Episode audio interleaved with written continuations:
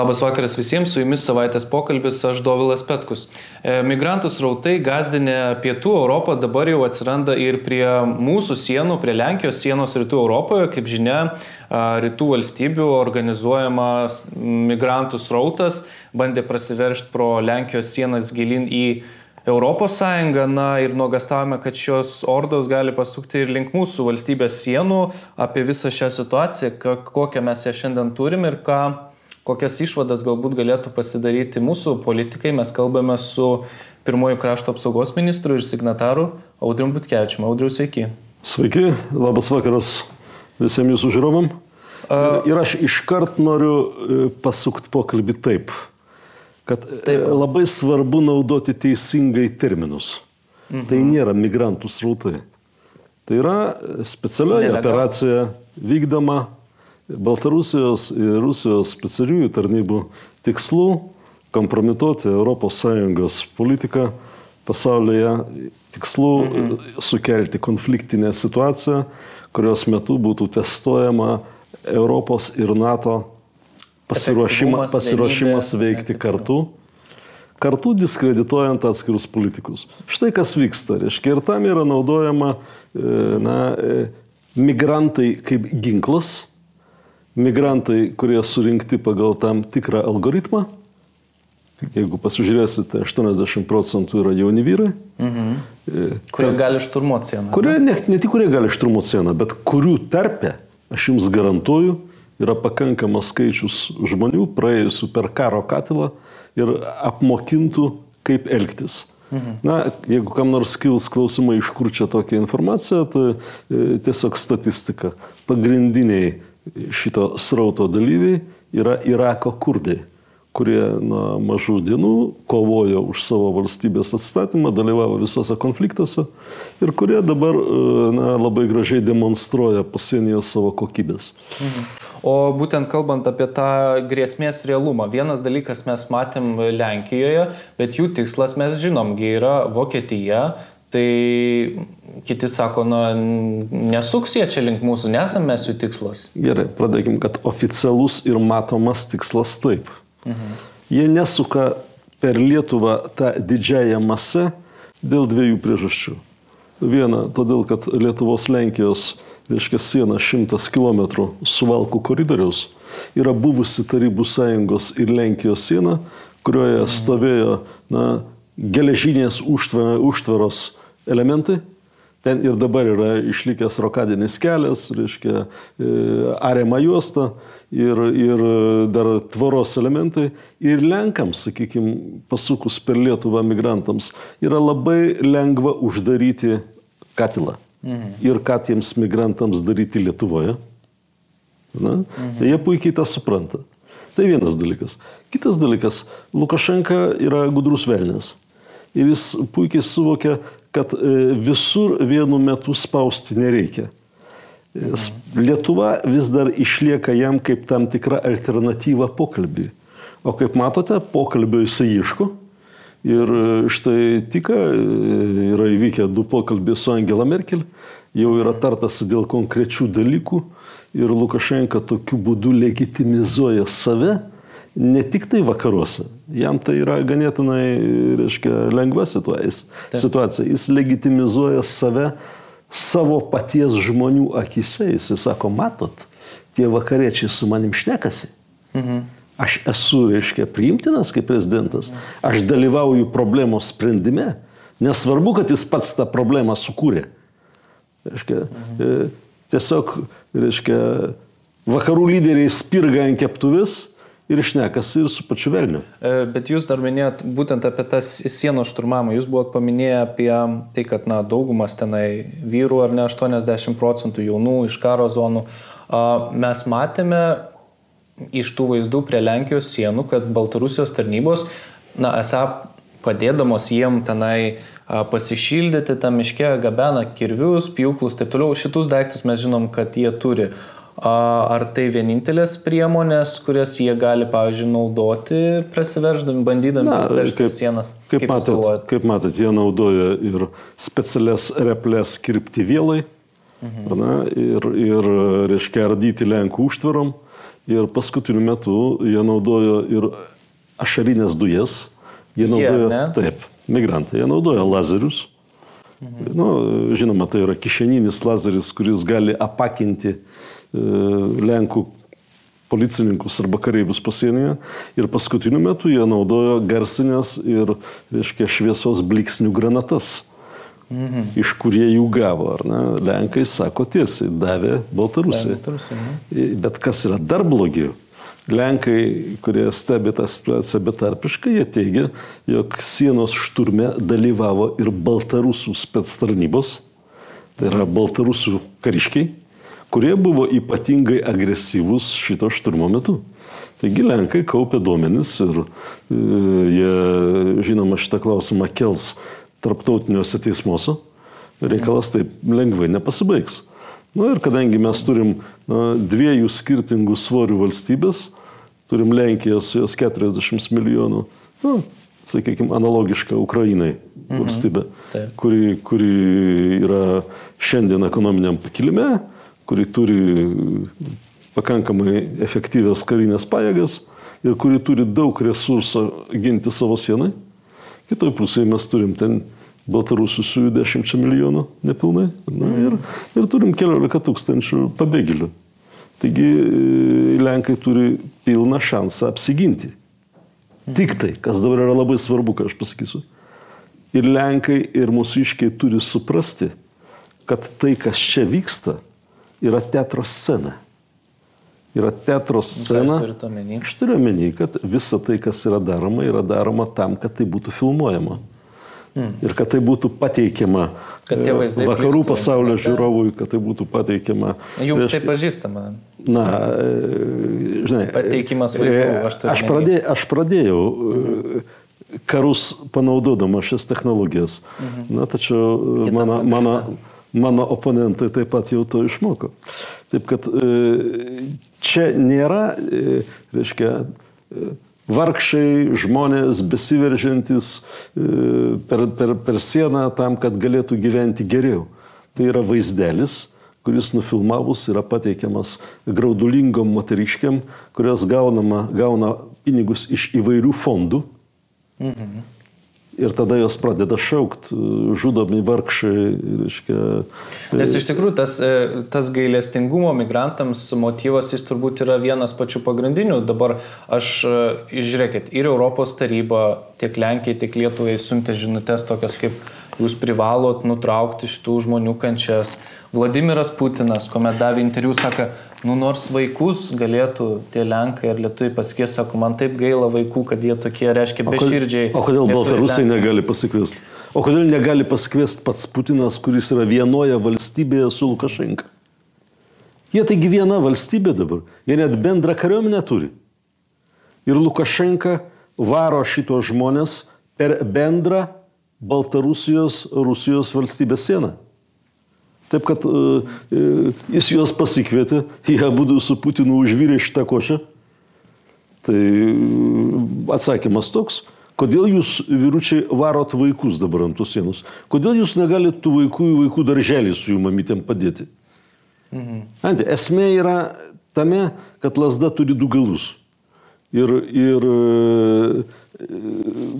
tiek Lukašenka, tiek Putinas, jie apsiskaičiavo galvodami, jog e, vakarų valstybės ims ir prispaus Lenkus, reiškia, matydamos pabėgėlių kančias, praleisti visus ir jie bus išlošę didžiulį, e, sakykime, psichologinio karo elementą.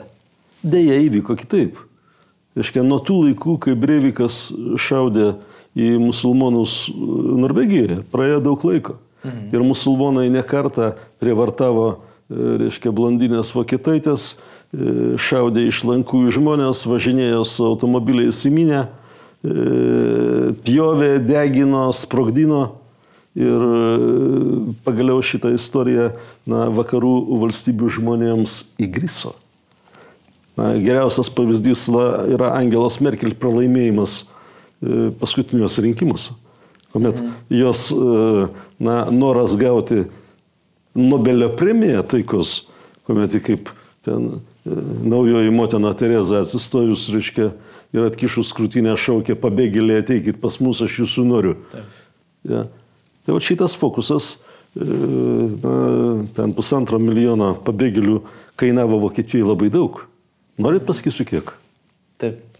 Yra suma įvardinta kažkokia? E, vieno pabėgėlio integracija į visuomenę, kurį jį priima. Ukrainoje kainuoja 200 tūkstančių dolerių, o žinot, kiek kainuoja Vokietijoje? No. 500 tūkstančių eurų. Mhm. Ir tai ne mano sumos. Antai, čia kas yra skaičiuojama? Čia yra būstas skaičiuojama, čia yra visos komunalinės kurias, kurias reikia užimokėti. Nevyriausybinės organizacijos, kuriomis, kurios rūpinasi tais pabėgėliais. Apie ką aš tai kalbu? Ta sistema, kurie paaugusi turbūt, ar ne? Žinot, kolega, aš jums papasakosiu, e, reiškia, istoriją apie šias organizacijas. Jis labai gražiai pailustruoja tai, kas darosi dabar Europoje. Mhm. Nu, tuo metu, kai aš buvau Vilniaus miesto e, tarybos e, narkotikų, kovos su narkotikais komiteto pirmininkas. Mhm. Iškai aš susidūriau su, su problema, kai vienoje vietoje susikoncentravę čigonai e, įkūrė narkotikų platinimo centrą. Mhm. Ir žinoma, e, e, aš jų užvažiavau. Kaip reikiant užvažiavau. Tai pradėjo klikti ne čigonai. Pradėjo klikti krūva, reiškia, organizacijų, kurios gauna pinigus iš vakarų už tai, kad jos atseit integruoja ne čigonus, jos integruoja romus. Mhm. Reiškia, kuo Romas skiriasi nuo čigono, man buvo sunku suprasti, ne, bet, bet aš buvau baisiniai kritikuojamas, nes jos, reiškia, tą čigoną žudantį su kastuvu lietuvės mergaitės vadino Romų ir galvojo, kad šitas reikalas pasikeitęs. Tos organizacijos padarė dar vieną fokusą. Prie, e, reiškia, čigonų taboro jos padarė mokyklą čigonų vaikam. Mhm. Tai dabar, dabar žiūrėk, kas užsima segregaciją. Reiškia, vietoj to, kad e, integruoti šitos čigoniukus per lietuviškas mokyklas. Jam aktualu, kad problema testas. Žinoma, žinoma. Tai ir visos tos organizacijos gaunančios pakankamus pinigus iš įvairių fondų, kurie dėl keistų įsitikinimų, sakykime, žinoma, ekonominių įsitikinimų, mhm. yra suinteresuoti, kad Europa pavirstų į tokią rusvai gelsvų žmogelių komandą, truputį į neprigalių, truputį priekvaišių. Ja. Tai va šitie, šitie e, žmogeliai ir šitie fondai finansuoja e, atitinkamas visuomeninės organizacijas, kurios kelia triukšmą. Mhm. Jos ne tik kelia triukšmą, jis susima gabenimu migrantų. Taip.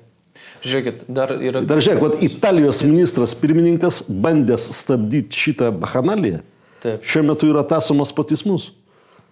Dėl to, kad... E, Taip, dėl to, dėl to, kad jis priešinosi e, migrantų įleidimui į Italiją. Ir, ir, ir Vengrijai panašus dabar atvejis. E, man tai tada tik kyla klausimas, turint omeny, kad e, mes kalbam ne tik apie tuos, kurie, tarkim, ten yra atmušinėjami nuo sienos, bet ir tuos, kurie jau yra patekę į Lietuvą.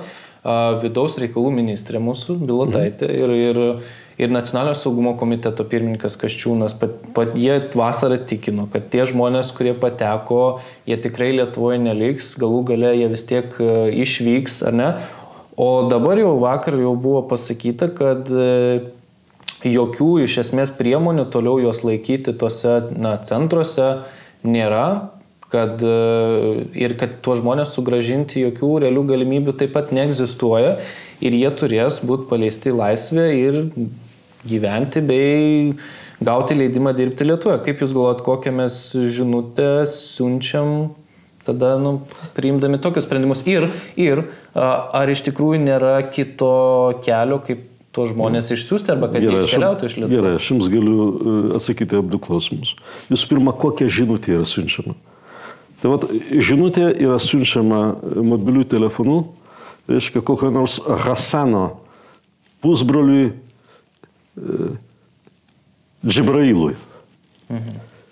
Ir Hasanas sako, Džibrailai, čia tokie durniai, jie vat mane dabar paleidžia ir galvoja, kad aš čia sėdėsiu. Ne, aš iš karto varysiu į Vokietiją, bet pagal tų durnių geurų įstatymus šitie durniai Lietuvoje turės mokėti už mano pragyvenimą Vokietijoje. Kadangi aš įėjau per Lietuvą. Tu įsivaizduoji, koks puikus šitas durnių pasaulis. Tai žinutė yra tokia. Varyk Džibrailai čia. Džibrailas tai Gabrielius, kad žinot. Mhm. Ja, nes tikras vardas to arhangelo yra Džibrailas. Taigi, e, kitas, kitas klausimas buvo, o ką dabar daryti? Jo, kaip ką daryti, ja. tai žmonės. Tai nes sako, o, nes tai, valdžia sako, kad variantų išsiųsti mes nebeturim. Čia yra grini niekai. Čia yra vat, šitų mūsiškės valdžiukės nesugebėjimo tvarkytis reikalas. O dabar imkim, vat, stovi ant lietuviškos sienos arba ant lenkiškos sienos pabėgėliai. Tai dabar jie atmetami atgal. Ar matai, kad kas nors Europoje dėl to prieštarautų? Vat, įbėga, įbėga pabėgėlis į Lietuvos teritoriją, jį pačiumpa, reiškia, mūsų pasieniečiai ir švist per sieną. Nu, nu, front, Frontexas, Frontexas sakė, kad mes nu, kas, gražiai elgiamės. Nu, kas yra tas Frontexas? Mm, Europos tai, Sąjungos sienų apsaugos agentūra. Žiūrėk, tai yra lygiai ta pati e, besistengianti išlikti ir gauti solidžius atlyginimus ir pensijas organizacija, kuri e, šiam momentui kažkaip tai negirdžiau, kad šauktų, kad Lenkai neturi teisės to daryti. Aiškia, atvirkščiai, ES vadovai Ir tiesiai pasakė, kad ne šitie žmonės nebus įsileisti. Lygiai tas pats su šitais. Jeigu jie kažkada čia pakliuvo, jie, tai reiškia, jie gali būti deportuoti. Tam yra atitinkamas tarptautinės sutartys. Galų gale yra sienos apsaugos įstatymas. Sienos apsaugos įstatymė veikia, e, reiškia, pagal jį pasienio apsaugos statutas. Mhm. Neteisėtas sienos pažeidimas atrodo sekančiai. Kareivukas mato, jog per sieną reiškia, bando kažkas tai prasiskverti, jisai sako, stok šausiu. Tas nestoja. Jisai šauna į viršų ir sekantį šūvis, jeigu tas nesustoja, yra į kojas. Arba į pilvą, jeigu nepataiko į kojas. Mhm. Tai taip atrodo įstatymo veikimas. O įstatymo neveikimas atrodo taip, kaip mes dabar matom. Tai arba tegul ponai keičia įstatymą, arba tegul nekompromituoja kareivių. Mhm. Na, nes, nes, nes e, čia niekas nebežino, kaip elgtis. O šitie žmonės, kurie yra čia, jeigu jiems nebuvo suteiktas prieglopstis, Taip, tai jie ir neturi, jie, tai jie ir neturi teisės čia gyventi. Tokie atveju įmami už kirkos, reiškia, šloja gatves mėnesį, kol užsišloja bilietui ir varo, reiškia, atgal į Siriją, Iraką, ar dar kažkur tai. Sako, kad Sirija ir Irakas jų nepriima. Kaip jie gali nepriimti? Tai jų piliečiai. Nu, vat. Tai jų piliečiai. Čia sako, grin... Jie sako, ja. mums teroristų nesiskit atgal. Tai ką mums teroristus pasimti? Ne, broleliai, yra tarptautinės sutartys ir tiek Iraką, tiek Siriją, tiek bet kurią kitą valstybę yra galima pagal jų tarptautinius įsipareigojimus priversti. Tuo labiau, kad tiek Sirija, tiek Irakas, tiek Libanas reiškia, yra e, labai stipriai priklausomos nuo gerų tarptautinių santykių šalis ir e, čia yra tiesiog tik tai neefektyvios diplomatijos reikalas. Mhm. Žiūrėk, dabar, kad, kad, kad suprastum. Reiškia, per praeitą mėnesį aš du kartus buvau Libane. Mhm. Ir mano, mano vizito tikslai buvo e, atitinkamas tyrimas, kaip tik tai susijęs su galimais migrantų panaudojimais kaip, kaip reiškia, atakos priemonė. Mhm. Dar daugiau negu prieš e, mėnesį esu, esu buvęs Arabų Emiratuose. Na, iki talybų, talybam užimant e, Afganistaną esu buvęs Afganistane. Tris kartus. Mhm. Taip, kad aš puikiai suprantu, kaip atrodo situacija tuose šalyse. Ir, sakykime, tas pats Libanas, iš kurio čia turim pabėgėlius, yra ramų ir ramiausia vieta. Naktį aš vaikštinėjau iš viešbučio, e, reiškia, prie jūros, e, grįžau naktį iš baro. Taip kad e, saugiau negu Lietuvoje. Taip kad pasakot kažkokias tai pasakas apie tai, kad jie yra karo pabėgėliai, čia reikia tam graudulingam moterėliam iš vidaus reikalų ministerijos, bet, bet ne man, ar ne? O žiūrėkit, dar tas pats e, sienos klausimas. E, iš esmės dabar jinai jau kaip ir kyla, yra diskutuojama, e, kaip ji bus efektyvi, kiek kainuos. Kiti sako, o kodėl jinai nuo pat nepriklausomybės pradžios, kodėl jau tada e, už krašto apsaugą, už vidaus reikalus atsakingi asmenys tos sienos nestatė. E, kaip jūs nu, vertinate tą sienos, sienos statybos klausimą? Atsakau, kontrabanda yra labai geras biznis. Mhm. Ir pastatyti sieną reiškia užkirsti savo kelius. Iš kontrabandos pelnėsi labai daug kas. Jūs turite omeny, kad valdžia irgi prisidėjo prie to? O ką Jūs manot, Putinas gabena savo e, ir jo komanda kokainą diplomatiniais kanalais e, kokiu tikslu? Mhm.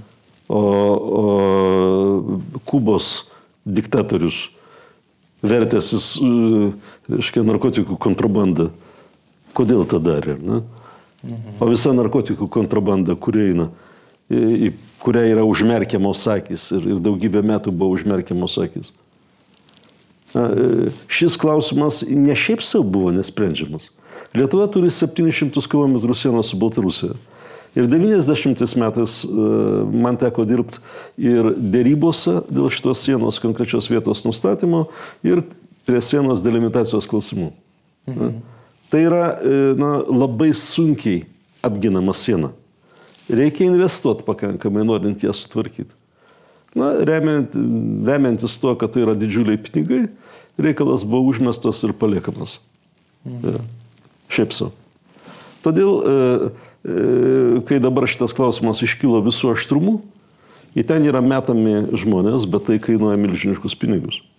O pastatyti 700 km sienos yra be galo brangus dalykas. Bet na, tie, kas įmas tą sieną statyti, žinoma, turės didžiulius viršpilnius. Taip kaip ir Lietuvos tinklai, supermarketai turėjo dvigabus pelnus lyginant su situacija iki pandemijos. Mhm. Na, taip kad reikia suprasti, kad kartais situacija nesprendžiama todėl, kad jos naudinga nespręsti, kartais nesprendžiama idiotiškų būdų, vien todėl, kad tai yra uždarbis. Na dabar pasižiūrėkite į Lenkų sieną. Ne? Lietuviška bus tokia pati. Tai rimtesnio šturmo metu tu jos tiesiog neapginsi. Mhm. Ir Lenkai turi kur kas trumpesnę sieną su Baltarusija negu mes. 700 km sienos. Tai įsivaizduok visus tuos priedurinius, kurie balsavo už, už Laisvės partiją, e, liberalus, konservatorius ir visus kitus. Jeigu net tu juos visus išrikiotum tos sienos gynimui, žmonių neužtektų. Mhm. O žiūrėkit, tada su siena kaip ir aišku, bet tada yra mūsų uh, užsienio politika, na, ta prasme, aišku, krašto apsauga, ką, lygiai ir aišku, ką turėtumėm daryti vidaus reikaluose, sienos statybai, bet uh, mūsų užsienio politika. Ką mes dabar, dabar galėtume padaryti? Na, prieš istoriją, okei, okay, jau įvyko. Ne ok. Įvy, jau, jau yra įvykusi. Aš turiu menį apie tai, kad nausėda, pavyzdžiui, jisai pasakė, kad vis dėlto reikia kalbėtis taip labai atsargiai. A, kiti sako, kad tai būtų dėrybos su diktatoriumi, nes jis užgrobė mūsų lėktuvą, buvo užgrobęs, jis atsakingas už dabartinę situaciją ir sako, jeigu mes su juo šnekėsimėm, tai mes nuolaidžiausim ir vėl, ir vėl, ir vėl, ir kas iš to gausis? Na, kolega, ot, e, pradėkim nuo to, kad kačiukas yra mokomas nedaryti e, ant sofos sekančių būdų. Yra paimamas už sprando ir pamirkomas į, į nuosavas kakutės ir susiukus. Tai dabar padarykim tą patį su Lietuvos valdžia. No. E, Lukašenka yra e, valdžioje nuo 1996 metų. Ir iki 20 metų jis buvo lygiai toks pats sociopatas ir psichopatas kaip ir dabar. Bet tai niekam nerūpėjo. Atvirkščiai, Lietuvos valdžiukė išdavinėjo Lukašenkai pakliuvusius, pabėgusius į Lietuvą opozicionierius. Lietuvos tarnybos pranešė. Ne, nu, ne tik. Ne tik. Lietuvos tarnybos išdavinėdavo Baltarusijos tarnybai lietuviškų opozicionierių atsidarytas sąskaitas. Mhm. Vienu žodžiu, visi, ko puikiausiai sutarė su Lukašenka, Lukašenka čia varė tranzitą, reiškia, Lukašenka varė kontrabandą, nu, kas kaip norėjo, taip įsidirbinėjo. Paskutiniu metu, prasidėjus nuo, reiškia, 14 metų krizai Ukrainoje, Lukašenka elgėsi, na, kaip begalėdamas padariau. Pardavinėjo ukrainiečiam kovojančiam su Rusijos agresija šaudmenis, pardavinėjo ginkluotę, pardavinėjo benziną, dizelį, tepalus. Mm. Ukrainiečiam, kurie kovojo su rusiška pusė, nepripažino Krymo okupacijos, nepripažino, kad kovos su Donbase yra vidinė Ukrainos problema. Ir Lukašenka galvoja, jeigu aš taip teisingai kalbu, taigi tie vakaruose dabar aiškiai turi mane priimti kaip, kaip reiškia, teisingą lyderį, kaip gerą prezidentą. Ir jis dabar visas toks teisingas, visas toks provokarietiškas, ima ir laimi rinkimus. Nu, sukčiaudamas kaip visada, maždaug 20 procentų. Nes e, sociologiniai tyrimai rodo, kad jis turi maždaug 60 procentų palaikymą. Nu ir jis, jis tiesiog dėl mandagumo tos 20 procentus dasidėjo, kad jis geriau atrodytų. Mhm. Spantai. Ir dabar staiga, kai jis taip sažiningai elgėsi su vakarais, su Lietuva, su visais, staiga visi jį pradeda pulti. Einam dar toliau. Lukašenka visą šitą laiką stengiasi distacionuotis nuo Putino. Ten 98-ais jie pasirašė pirmosius sustarimus dėl sąjunginės valstybės kūrimo. Iki, iki 2020 metų jis nevykdė šitų susitarimų jis visą laiką melžė Putiną ir, ir reiškia Rusiją ir e, sakė, ne, ne, jūsų karinių bazų čia neįsileisim. Ir jis negalėjo patikėti, kad Lenkijoje ir Lietuvoje sėdi tokie avigalviai, kurie norės jį išmesti, vardant to, kad pasisadintų grinai prorusiškus, promaskvietiškus kandidatus. Einam pailiui, Babarika, kuris sėdi uždarytas reiškia dabar cipiai, yra Gazpromo banko bankininkas. Taip. Ja. Ten Sepkala. Promaskvietiškas vyrukas, kuris netgi ir žmona šiuo metu laiko Maskvoje ir kuris ten iškilus pavojui visų pirma bėgo į Maskvą. Sichanovskojos vyras. Žinomas blogeris, kuris nieko daugiau kaip, kaip apie savo meilę Rusijai negėdojo. Ir tokių, vat, gėdančių apie meilę Rusijai yra tarp 60-70 procentų. Ir tik tai Lukašenka visą tą laiką stabilizavo padėtį dėl to, kad dėl ko jis tą darė. Jis tą darė todėl, kad pakliuvus į Rusijos nagus ir jis, ir visi kiti būtų momentaliai suvirškinti. Ir Rusija to ir siekė darydama šitą taip vadinamą revoliuciją. Nes visos vienodo formato raudonai baltos vėliavos buvo pasiūtos, kaip suprantama, ne Baltarusijoje, ar ne? Mhm. Tai jūs sakot, kad Rusija. Rusijos provokacija. Be abejo, tai buvo rusiškas, tai buvo rusiškas projektas. E, Lukašenka tą puikiai žino. Pagal kurį ir sužaidė Lietuvos ir Lenkijos politikai. Mhm. Ir štai Lukašenka ima ir atsilaiko jam uždedamos didžiulės sankcijos. Jis tada sako, aš jums idiotai parodysiu. Mhm. Ir štai jis dabar demonstruoja. Dabar jeigu, mes, jeigu mūsų politikai būtų turėję nors kiek smegenų, jie elementariai būtų pralaukę dar vieną Lukašenkos kadenciją. Ir nebūtų siundami žmonės, ir nebūtų žaidžiama rusiška korta, ir mes neturėtume problemos ant sienos. Bet problema tai ne šitie pabėgėliai. Problema yra tame, kad vienas iš 28 dokumentų, kuriuos prieš kelias dienas pasirašė Lukašenka su Putinu, yra bendrų karinių pajėgų steigimas ir rusiškų karinių bazių atsiradimas ant mūsų sienos. Mhm. Ir va tos nesenos Baltarusijos, Rusijos pratybos pačiame jautriausiame suvalkų koridoriaus kampe, kur žuvo du rusų desantininkai. Mhm. Jos yra, tai yra pirmoji krekždė, rodanti kad Rusijos ir Baltarusijos karinis alijansas pradeda funkcionuoti.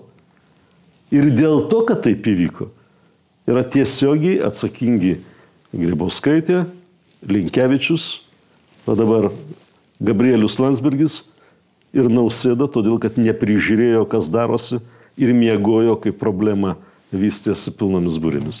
Bet ką dabar daryti? Nausėda lyg ir, mm, lyg ir pradėjo siūlyti, kuomet pradėjo Europos Na, tai dabar- kalbėti tai dabar- su Lukašenka, kad reikia.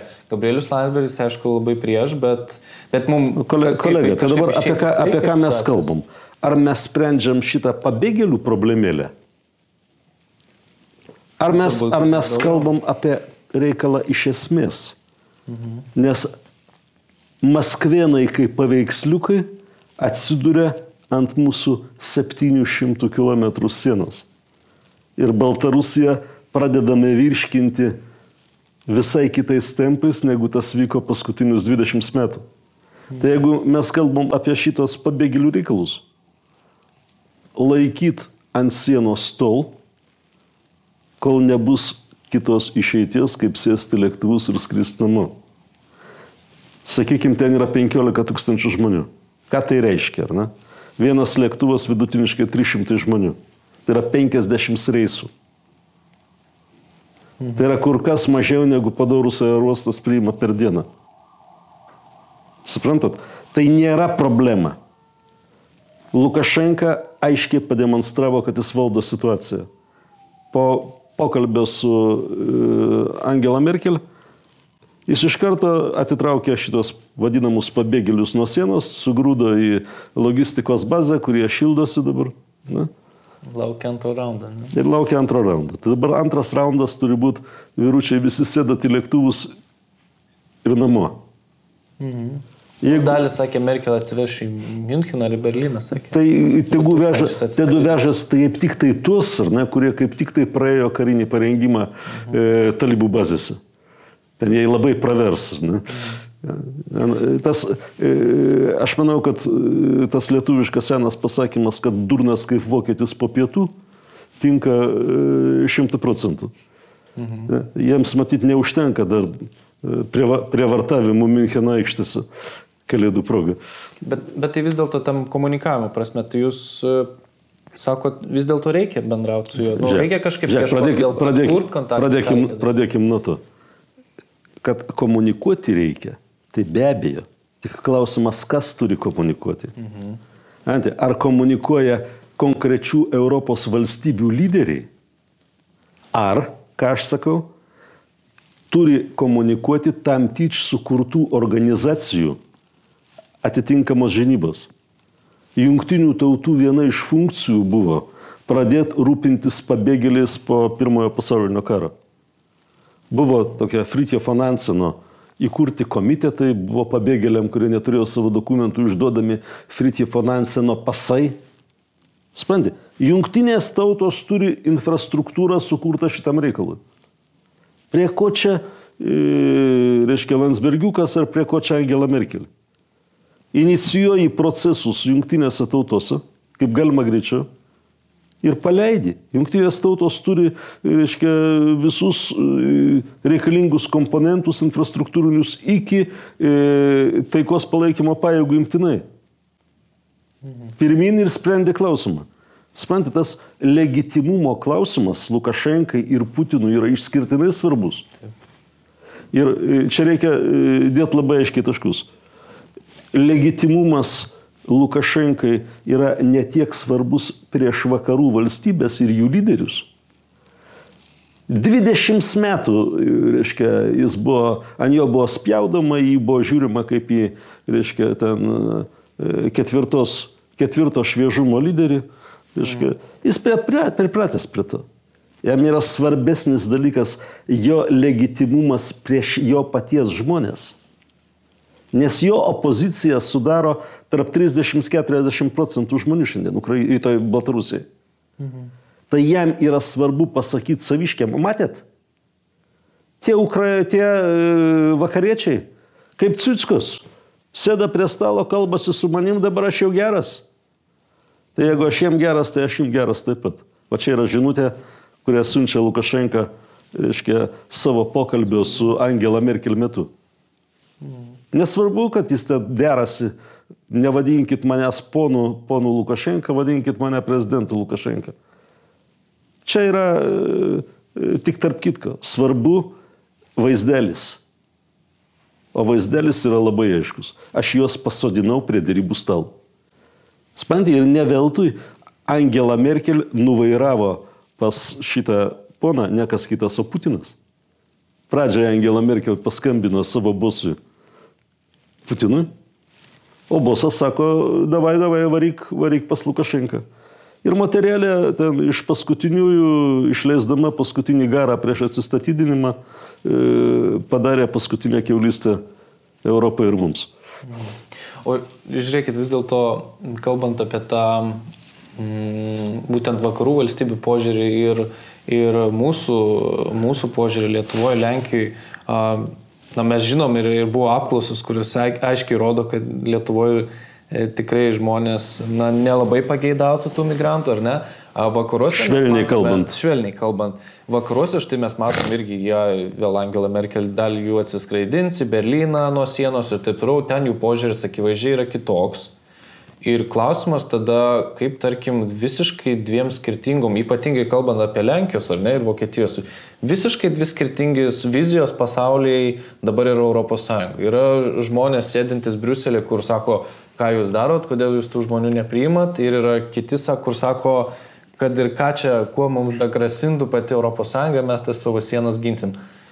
Kaip vienoje sąjungoje gali sugyventi dvi tokios skirtingos ideologijos ir prie ko tas veda? Na, už tai ir yra kalbama apie dviejų greičių Europą. Yra kalbama apie tautų Europą. Ar ne, tai yra skirtingas konceptas kai, e, reiškia, tokie tipeliai kaip e, Petras Auštrevičius organizavo e, alaus ir, ir skalbimo miltelių dalinimą mūsų tautiečiam, kad jie greičiau pasirašinėtų užstojimą į ES referendume. Mhm.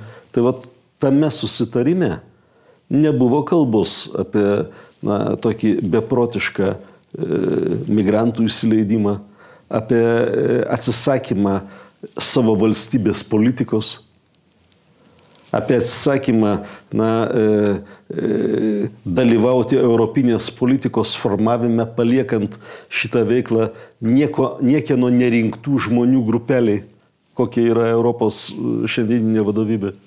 Mhm. Taigi klausimas yra toks, kad kaip tik tai šiandien, vat, per šitą gaisrą ir yra kalama naujosios Europos veidas. Mhm. Ir e, aš matau daug gerų, e, reiškia, tokių judesių. Na, tai, kad ES diplomatijos šefas aiškiai įvardina, kas čia įvyko, kad tai yra ataka prieš Europą ir kad šitų žmonių nereikia įsileisti, nes tai nėra pabėgėliai, tai yra, reiškia, migrantų ginklo panaudojimas. Tai, kad na, apie tai kalba eilės kitų valstybių žmonės Na, e, reikia suprasti, kad tie europiečiai eilę metų buvo gazdinami, na, e, jog su jais bus susidorota, jeigu jie netaip pasižiūrės ten į homoseksualą, jeigu jie ten e, nepritars eiliniai imigraciniai politikai ar eiliniai nesąmoniai apie tai, kad kultūros konsoliduosis, maišysis ir visa kita, ne? Mhm. Ir e, už tai juos mėtė iš darbų, už tai jie, reiškia, buvo represuojama įvairiausias būdais. Na ir, e, kaip suprantate, Europoje, kaip ir visur kitur, na, e, selekcija vyko pagal negatyvų principą.